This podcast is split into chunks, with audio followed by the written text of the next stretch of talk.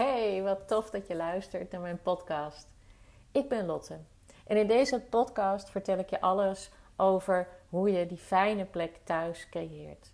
Die plek waar je tot jezelf wilt en kunt komen, hoe je overzicht houdt, hoe je structuur aanbrengt en hoe je mindset, je overtuigingen en je patronen je daarbij helpen. Welkom bij de Organize Your Life podcast.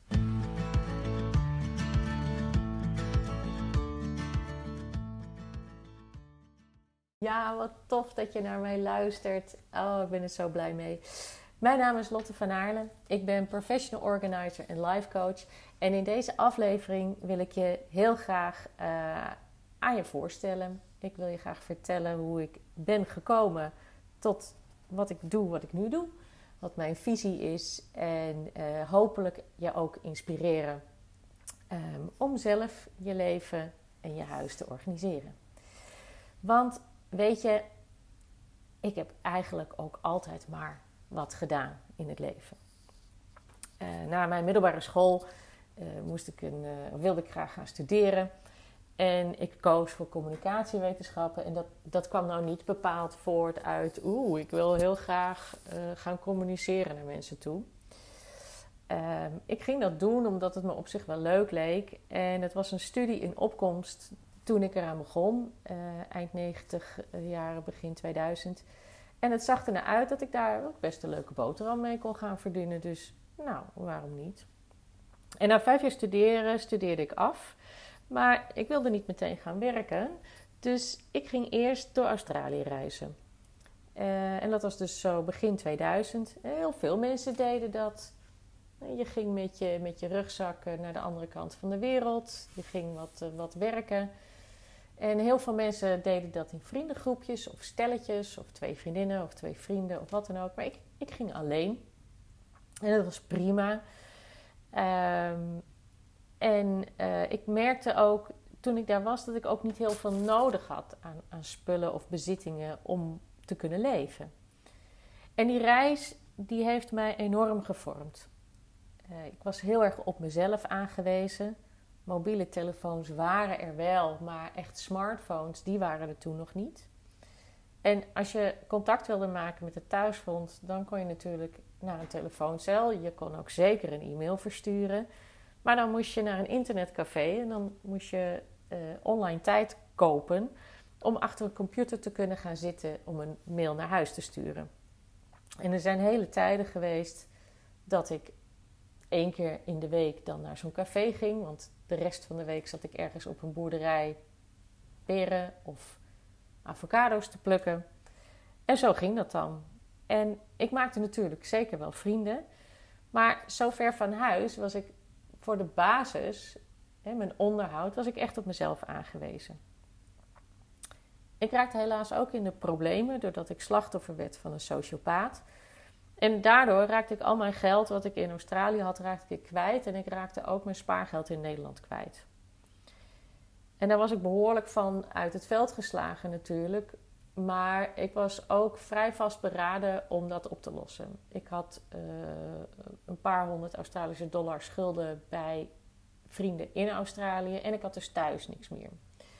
En in zes weken heb ik die schulden afbetaald had ik ook weer een buffer opgebouwd voor als ik terug zou gaan naar Nederland. En eigenlijk had ik toen zoiets van ja, als ik nu nog verder wil reizen, dan moet ik weer zes weken, god weet wat voor fruit, uit de bomen gaan plukken. Um, nou, ik vond het wel mooi geweest. Ik, ik, was ook heel trots op mezelf dat ik het opgelost had. Um, dus ik besloot om naar huis te gaan.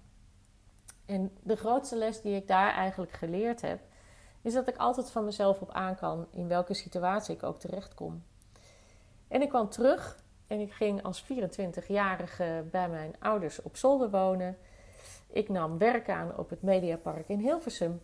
En daar ben ik eigenlijk 20 jaar lang een beetje blijven hangen. Ik ging weer gewoon maar wat doen. Van de ene naar de andere baan, verschillende werkgevers. Maar de rode draad in al die banen was wel dat ik altijd op een centrale plek zat. Dat ik dingen moest coördineren, dat ik dingen moest regelen. Ik nam bijvoorbeeld de telefoon aan van een service desk. Later werd ik projectmanager. Ik, ik, vond dat best wel leuk. Maar ja, toch na een jaar of twaalf ging het toch een beetje knagen. Want ik vond het een beetje betekenisloos wat ik deed. Het, was wel leuk, maar ja, wie werd er nou beter van dat ik ergens het projectmanagement deed van een grote landelijke communicatiecampagne bijvoorbeeld? De resultaten wat je met die campagne haalde was ook lastig te meten. En ja, het, het was wel leuk, maar ik wilde graag ook resultaat zien. En weten dat ik een uh, impact had gemaakt met, met hetgeen wat ik gedaan had, hoe klein het ook was. En, dat ik ook een verandering in iemands leven had aangebracht. Dat, dat vond ik toch wel fijn en, en interessant. En die hele studie communicatiewetenschappen, die was ik eigenlijk al lang weer vergeten. En om heel eerlijk te zijn, alles wat ik daarbij geleerd had ook. Mijn moeder die vroeg wel eens, goh Lotte, eh, heb je nou wat aan die studie in je werk? En dan zei ik altijd tegen mijn moeder: Nou, mam, ja, ik, ik, ik kan me echt niet zo theorie uit die boeken oplepelen en zeggen: Dit pas ik nu toe in mijn werk. En niet dat dat studeren voor niks is geweest, want je leert daarvan ook om grote dingen klein te maken. Je, je krijgt een heel dik boek, bijvoorbeeld van een bepaald vak. Die informatie moet je op een gegeven moment in een tentamen eruit kunnen gooien. Nou, daar leerde ik dan hoe ik al die informatie in kleine brokjes kon opdelen. Eh, dat het behapbaar werd en dat ik nou, toch op een redelijk cijfer kon halen, waardoor ik weer verder kon. En dat komt je dan ook in je werk van pas. Je leert de prioriteiten eh, van elkaar te onderscheiden. Uh, en meerdere dingen tegelijkertijd te doen. Dus studeren in die zin had zeker zin gehad, maar die specifieke studie, nou ja, het zal wel. En ik, ik bleef een beetje dat onrustige gevoel houden van, goh, is dit het nou in mijn werk? En wat vind ik hier nou van? En wat wil ik eigenlijk? Ik, liep zo tegen de 35. En ik zocht hulp bij een jobcoach. En daar kreeg ik wel inzicht in nou ja, dat de rode draad in mijn werk altijd was dat ik een soort spin in het web was. En dat ik dingen coördineerde en dat ik organiseerde en contact met mensen leuk vond. Maar echt heel veel wijzer werd ik er eigenlijk nog niet van. En ik, die wens voor dat andere werk moest ik even op een, uh, op een ander pitje zetten. Want mijn man en ik waren in die periode bezig om uh, een huis te kopen, om het in te richten. We waren allebei uit een relatie gekomen waarbij wij geen bezittingen hadden meegenomen. Echt niets. Uh, dus wij moesten alles kopen: bed, stoelen, bank, eettafel, alles. En we wilden graag kijken of we kinderen konden krijgen. En dat laatste, dat, dat liep niet zo heel soepel. Dat slokte veel op, uh, in ieder geval van mijn energie en emoties en gedachten. Dus dat kreeg toen de prioriteit. En de rest, dat werk, nou ja, dat zouden we dan wel zien. Maar dat werk, dat was niet naar wens. Dat, dat slokte heel erg veel energie van mij op. Uh, daar werd ik ook, ik had bijna een soort bore-out. Uh, ik kon gewoon al mijn energie er niet in kwijt. Uh, maar goed, eerst kijken of het ging lukken om een kind te krijgen. En dat lukte. En in 2014 mochten we onze zoon verwelkomen. En daarna was wel weer zo van ja, maar wat ga ik nou doen? En toen in 2019, toen zag ik bij Netflix de documentaire serie Tidying Up with Marie Kondo. Op het gevaar af dat ik, ik ga er eigenlijk vanuit dat iedereen haar wel kent, maar ik zal het toch even kort toelichten. Marie Kondo is een Japanse opruimgoeroe die verschillende boeken heeft geschreven over hoe je op een eenvoudige manier ja, je hele huis eigenlijk kunt ontspullen. Dat je alleen houdt waar je blij van wordt. En uh, ik zag in die documentaire reeks, zij deed dat bij uh, Amerikaanse gezinnen van die hele grote huizen. En je zag hoe blij en rustig die mensen daarvan werden. Dat ze dus al die spullen eigenlijk helemaal niet nodig hadden. En ik vond dat fascinerend. Ik ben toen mijn eigen huis gaan opruimen met haar methode. Niet dat ik nou zo vreselijk veel had, want tussen mijn 18e, toen ik ging studeren, en mijn 35e, toen ik met mijn man dit huis kocht, was ik 15 keer verhuisd. En ik kan je zeggen, daar leer je best goed van wegdoen. Maar goed, inmiddels woonden we toch ook alweer 8, 9 jaar in dit huis. En er was altijd genoeg uh, wat, ik, wat ik vast wel weg kon doen. Er stond heel veel achter de schotten Wat allemaal maar ruimte innam. Dozen met cd's van mijn man. Ehm, en ook allemaal dozen met oud studiemateriaal. En dat nam allemaal ruimte in. En, en het was zoveel, daar kon ik eigenlijk niks anders meer bij. Dus ik ben daar heel kritisch doorheen gegaan. Ik kwam ook uit bij mijn spullen van mijn Australië-reis. En dat was toch best ook heel veel. Heel veel documentatie. Ik had al mijn e-mails die ik toen gestuurd had, had ik uitgeprint. De notitieboekjes waarin ik mijn reisverslagen heb geschreven. Foto's, knipsels. En ik heb het allemaal vastgehouden en stuk voor stuk mezelf afgevraagd: word ik hier nou blij van? Wil ik dit houden? Of ja, hoe lang heb ik hier eigenlijk al niet naar gekeken? En eigenlijk op de fotoalbums na heb ik alles weggedaan.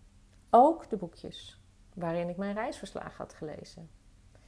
Want in die 19 jaar dat ik inmiddels alweer terug was, heb ik geen één keer die boekjes teruggelezen. Nooit. En ik dacht, ja, ga ik dat nog doen? Ik denk het niet.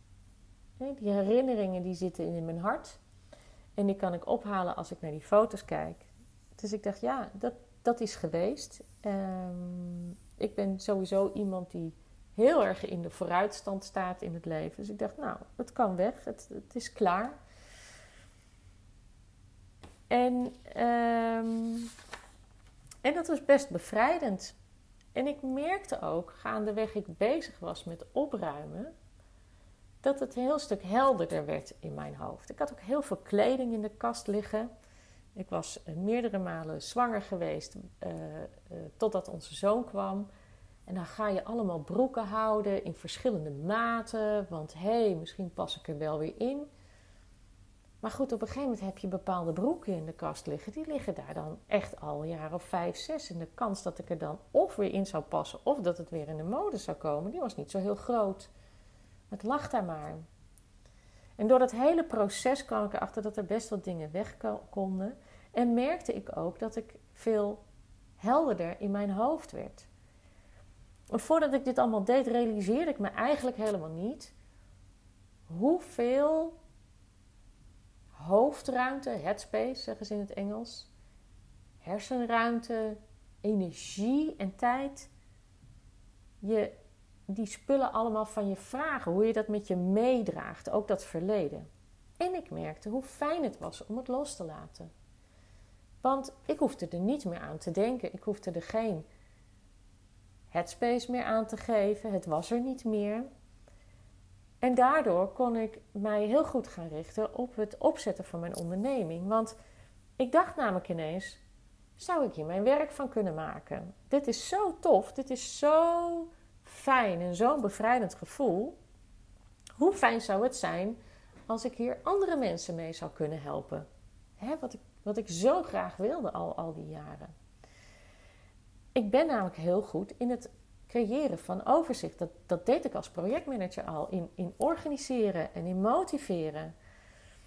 Ehm, en ik merkte ook hoe leuk ik het vond om dat op te ruimen. Ik ging stage lopen bij een mevrouw thuis. Dat was fantastisch.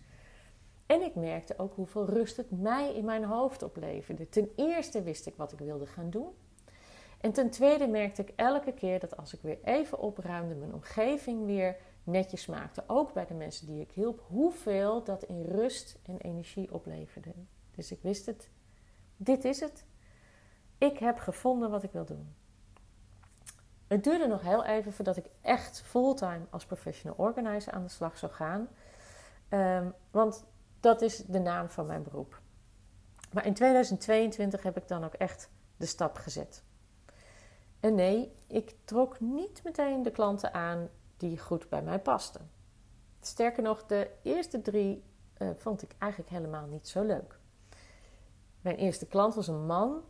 En dat was op zich al bijzonder, want het grootste deel van de klandizie van professional organizers uh, zijn vrouwen. En na de eerste keer dat ik bij hem was geweest om te helpen, was hij tevreden. En uh, hij wilde heel graag door. En we maakten een afspraak voor zes weken daarna, want eerder kon hij niet, hij was te druk. En binnen een week na die eerste afspraak meldde hij zich bij mij en zei: Ja, uh, het gaat me allemaal niet snel genoeg. Ik wil graag sneller. Uh, hoe kunnen we dat doen? Dus ik zei: Nou, ja, ik kan, uh, was er niet zo voorstander van, maar ik dacht, nou ja, eerste klant. Ik zeg, nou, ik kan s'avonds komen. Ik kan in het weekend komen. Ik kan vaker komen voor kortere periodes. Meestal werken we namelijk in afspraken van drie uur. Maar ik dacht, nou, dan kom ik twee uurtjes een, paar keer per week. Nou, dat was allemaal niet goed genoeg, want daar zou het allemaal niet snel genoeg mee gaan. En ik dacht alleen maar, ja vriend, jouw huis, jouw spullen, jouw beslissingen. Want dat wil ik wel even heel duidelijk maken. Dat realiseren heel mensen zich heel vaak niet. Een professional organizer is niet degene die gaat beslissen over jouw spullen, wat jij er natuurlijk mee wil. Maar goed, hij, uh, het, het, was hem allemaal niet naar zijn zin. Hij zou wel bij me terugkomen en ik heb nooit meer wat van, van hem gehoord. Mijn derde klant was een mevrouw, een, een oudere dame, die uh, moeite had met de verhuizing die ze had gemaakt. Uh, had, heel veel, had een hobby wat heel veel knutselspullen met zich meebracht. Daar wilde ze graag iets mee. Had ze een opslag voor gehuurd. Ze woonde in een serviceflat. Daar was geen ruimte voor. Uh, ik ging met haar aan de slag. En ja, als je het heel grondig aanpakt, dan ga je echt stukje voor stukje alles vastpakken om te beslissen. Dat, dat was haar veel te veel. En gaandeweg merkte ik ook dat ze liever had dat ik het voor haar deed. En dat is best heel ingewikkeld. Want je moet je voorstellen, ik stond dan voor haar kast met handdoeken en kleding. Dus ik moest de hele tijd vragen, zij zat in een andere kamer, waar wilt u dit hebben? Waar wilt u dat hebben? En zij dacht, nou, die, die meid die gaat wel aan de slag, die richt het wel even in. En daar ben ik drie keer geweest, dat was ook de afspraak. Uh, daarna moest ze even nadenken of ze ermee verder wilde. En ik vroeg haar om een review. En uh, ze zei, nou, dat, dat heb ik helemaal, dat, dat, dat, hè, dat heb jij helemaal niet nodig. Uh, jij kunt jezelf al redden, je hebt gestudeerd. En ja, het is hartstikke fijn dat je al die spullen hebt meegebracht om weg te gooien, maar dat had ik ook wel zelf kunnen doen. Waarop ik natuurlijk dacht: doe het dan. Maar dat heb ik niet gezegd. Um, en ik ging huilend naar huis. Ik dacht: jeetje, dit kan het toch niet zijn? Dit, dit is niet de bedoeling. Ik had, ik had stage gelopen bij een mevrouw waar alles wel ging zoals het zou moeten gaan. En dat was verschrikkelijk leuk. En die had er ontzettend veel plezier van dat ik haar geholpen had. Maar nu, nu was ik allemaal mensen aan het helpen.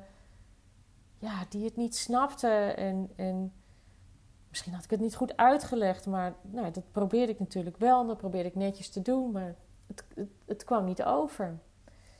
En ik maakte even pas op de plaats. En ik ging even nadenken van... Oké, wat, wat ga ik nu doen? En ik heb toen een business coach in de hand genomen die uh, eigenlijk mij niet per se zoveel coachte over hoe ik moest ondernemen, maar die mij ging coachen op hoe ik van nature ben, op mijn talenten. En wat bleek, ik kwam erachter dat ik vooral heel, altijd heel erg in de hard werken stand stond. Daar staan we allemaal heel erg veel in. En dat kwam doordat na de lagere school, of aan het eind van de lagere school, de directeur toen tegen mijn ouders zei, toen wij gezegd hadden dat ik graag naar het gymnasium wilde, had hij gezegd: Nou, Lotte redt het dan wel tot de vierde klas, maar daarna gaat het er niet meer lukken. Nou, daar was ik en ook mijn ouders waren daar niet zo van gediend. En we hadden zoiets, nou, we zullen die gozer eens even aan een poepje laten ruiken. En het lukte. Ik deed eindexamen in zes jaar, in acht vakken, alle acht voldoendes. En daarna ging ik dus studeren, maar ik heb altijd verschrikkelijk hard moeten werken voor mijn cijfers en om alles te halen. Dus ik stond altijd in die enorme hard werken modus. Ik kan dit wel, ik zal iedereen eens even laten zien wat ik kan. Dat had ik meegenomen naar het bedrijfsleven en sowieso in het bedrijfsleven ja, ga je je op een bepaalde manier manifesteren. Je bent professioneel. Uh, op een gegeven moment ging ik freelancen. Nou, toen vond ik helemaal dat ik me in allerlei bochten moest wringen. Maar ik was ook gewoon als projectmanager ook duidelijk. En soms ook een beetje hard. Maar dat vonden mensen ook wel fijn. En dat werkte dus niet in mijn onderneming. Niet dat ik dat bij die meneer en die mevrouw had gedaan. Maar ik was ook echt uit het oog verloren. En daar kwam ik met mijn business coach achter dat ik ook een hele zachte, een hele empathische en een hele harmonieuze kant heb. En zij zei ook: als je die, die aanpakker die in jou zit, die, die inderdaad heel goed is in organiseren en opruimen, kunt verenigen met die zachte, empathische Lotte, dan kan je mensen echt heel goed helpen. En ik kwam er ook achter dat alleen maar dat, dat hard werken, dat sjouwen met die spullen, dat daar eigenlijk helemaal niet per se ja, zit waar ik nou echt heel gelukkig van word. Want wat mij namelijk ook heel erg fascineert, is waarom jij of, of mensen in zijn algemeenheid het zo moeilijk vinden om afscheid te nemen van die spullen. Ik heb daar wel een idee bij en ik ga daar in andere afleveringen ook zeker wat over vertellen. Het heeft vaak te maken met vaste patronen en overtuigingen, met dat we eigenlijk allemaal een beetje op de automatische piloot leven. Maar daar ga ik het later nog wel over hebben. Maar het gekke is dat ik heb een uh, korte opleiding gevolgd tot professional organizer. Daar was, ging ook een onderdeel over hoe je in gesprek gaat met je klant. En er werd heel nadrukkelijk in gezegd: wij gaan het niet met onze klanten hebben over waarom het zo moeilijk is voor ze, want wij zijn geen psychologen. Dit is letterlijk wat er gezegd werd. En dat vond ik eigenlijk een beetje raar. Uh, kijk, als je thuiskomt bij mensen die last hebben van een dwangmatige verzameldwang, hè, van die hoorders, dat is echt iets heel anders. Overigens werd in de, in de opleiding die ik gevolgd heb, werd, uh, werd ons geleerd dat je bij hoording, dus die mensen die echt hun huis volgooien met dakpannen of, of echt niets weg kunnen doen, dat je daar een vijftal gradaties in hebt. En dat wij als professional organizers tot gradatie 3 die mensen zouden kunnen helpen. Nou, ik heb daar een voorbeeld van gezien wat tot gradatie 3 is in een, in een video. En ik ben het daar niet mee eens. Dat, daar zit vaak trauma achter. Daar zit vaak hele andere problematiek achter. Dus ja, daar moeten wij als professional organizers niet de psycholoog gaan zitten uithangen. Daar ben ik het helemaal mee eens. Maar waar ik het niet mee eens ben, is dat wij geleerd worden in die opleidingen dat je het dus niet moet hebben over het psychologische stukje, want dat, dat speelt wel degelijk een rol. Kijk, de uitspraak is: een opgeruimd huis is een opgeruimd hoofd dat hoor je overal. Maar als jouw omgeving en jouw leven rommelig en onrustig is, dan komt dat vaak doordat je rommelig en onrustig in je hoofd bent. En als jij een rustige, overzichtelijke omgeving wilt creëren met een rommelig en onrustig hoofd, dan moet je verschrikkelijk hard daarvoor werken. Dus ik ben meer van een opgeruimd hoofd zorgt voor een opgeruimd huis. En dat is ook hoe ik het met mijn klanten aanpak. Ik ga met hun aan de slag en ik ga eerst vragen stellen als: hoe zou het zijn als je straks in dat opgeruimde huis bent? Hoe ziet dat eruit? Hoe voelt dat voor je? En dan gaan we kijken naar de vaste gewoontes en patronen en overtuigingen die hun tegenhouden om die ruimte netjes te krijgen. Daar ga ik ook in komende afleveringen ga ik daar nog heel veel meer over vertellen. Maar die patronen en die overtuiging en dus die mindset, die bepaalt zoveel van hoe jij je beslissingen maakt. En als je daar niet eerst inzicht in krijgt en daar niet eerst misschien een beetje in opruimt of de vraag stelt van dient dit, deze overtuiging mij nog wel? Hè? Het heeft zoveel gekost, dus ik hou het maar, om er een te noemen. Als je dat niet eerst aanpakt, dan wordt het wel verschrikkelijk ingewikkeld om dat huis een beetje op orde te krijgen. Dus zoals ik het geleerd heb, is het in mijn optiek verkeerd om. En daarom pak ik het anders aan. Want je moet dan wel heel hard ervoor werken, zoals ik net al zei. En daar heeft niemand zin in, want we moeten al zo hard werken. En die overtuigingen en die patronen en die, die uh, gedachtes, dat noem ik je opruimbagage. Of je ordenbagage of je organiseerbagage. Kijk maar even hoe je het wilt noemen. Ik heb er opruimbagage van gemaakt. Want dat zit in je hoofd. Dat zit in je energie en dat neem je allemaal mee op het moment dat je dan begint met opruimen. Dat kun, dat, dat, dat kun je niet zomaar in één keer uitschakelen door iets vast te pakken en denken: oké, nou ik heb nu een boek gelezen hoe, hoe het moet. Nee, daarom lukt het ook heel vaak niet als je een boek hebt gelezen over hoe het moet. In de show notes heb ik een linkje gezet naar die opruimbagage. En het enige, je hoeft, je hoeft niks, dus nu helemaal niks, geen spullen op te gaan pakken. Het enige wat je eigenlijk hoeft te doen voor jezelf, is in dat document te noteren wat jouw gedachten en jouw overtuigingen zijn. En reken maar van yes dat je er echt heel veel hebt. En wees daar heel eerlijk in. Uh, ik ga het niet nakijken natuurlijk, je hebt alleen maar jezelf ermee. Maar probeer maar eens op te schrijven wat er door je heen gaat als je probeert iets weg te doen. Of bijvoorbeeld als je uh, een goede actie ziet in de supermarkt voor nieuwe bakjes of nieuwe pannen. Oh, laat ik dit maar meenemen. Dat kan nog wel eens van pas komen. Ja, het zou kunnen, ja. Maar hoeveel heb je al? En over een jaar of twee jaar is er misschien weer een actie. Ja, misschien niet. Nee, misschien niet, nee. En dus al dit soort overtuigingen en gedachten vormen jouw opruim- en ordenbagage. Schrijf die gewoon eens op. En kijk er eens naar of dit iets is wat je echt vindt. Of misschien heb je het wel meegekregen van huis uit. Daar kun je ook nog een notitie over maken. Geleerd van thuis, van vroeger. Maar wat vind jij? Nou, als je moeite hebt om te komen tot wat jij echt zelf vindt, daar heb ik een heel handig trucje voor.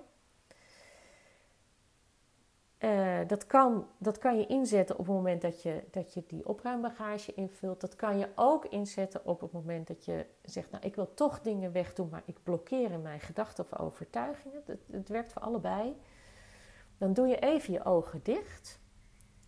En je streelt met de vingers van je ene hand over de binnenkant van je andere hand, over je handpalm. En wat dat doet, is dat het je grondt. Het zet letterlijk even al je gedachten stil. Omdat je handpalm en je vingertoppen heel gevoelig zijn. Het zorgt ervoor dat je even stilstaat, dat je ademhaling, hè, want het is ook vaak mensen zijn gespannen als ze met die spullen aan de slag moeten door al die overtuigingen. Even, en dan aaien. En dan stel je jezelf nog een keer de vraag: Vind ik dit echt? Of is dit wat ik geleerd heb? Of is dit hoe iedereen eigenlijk vindt dat? Zo hoort het toch?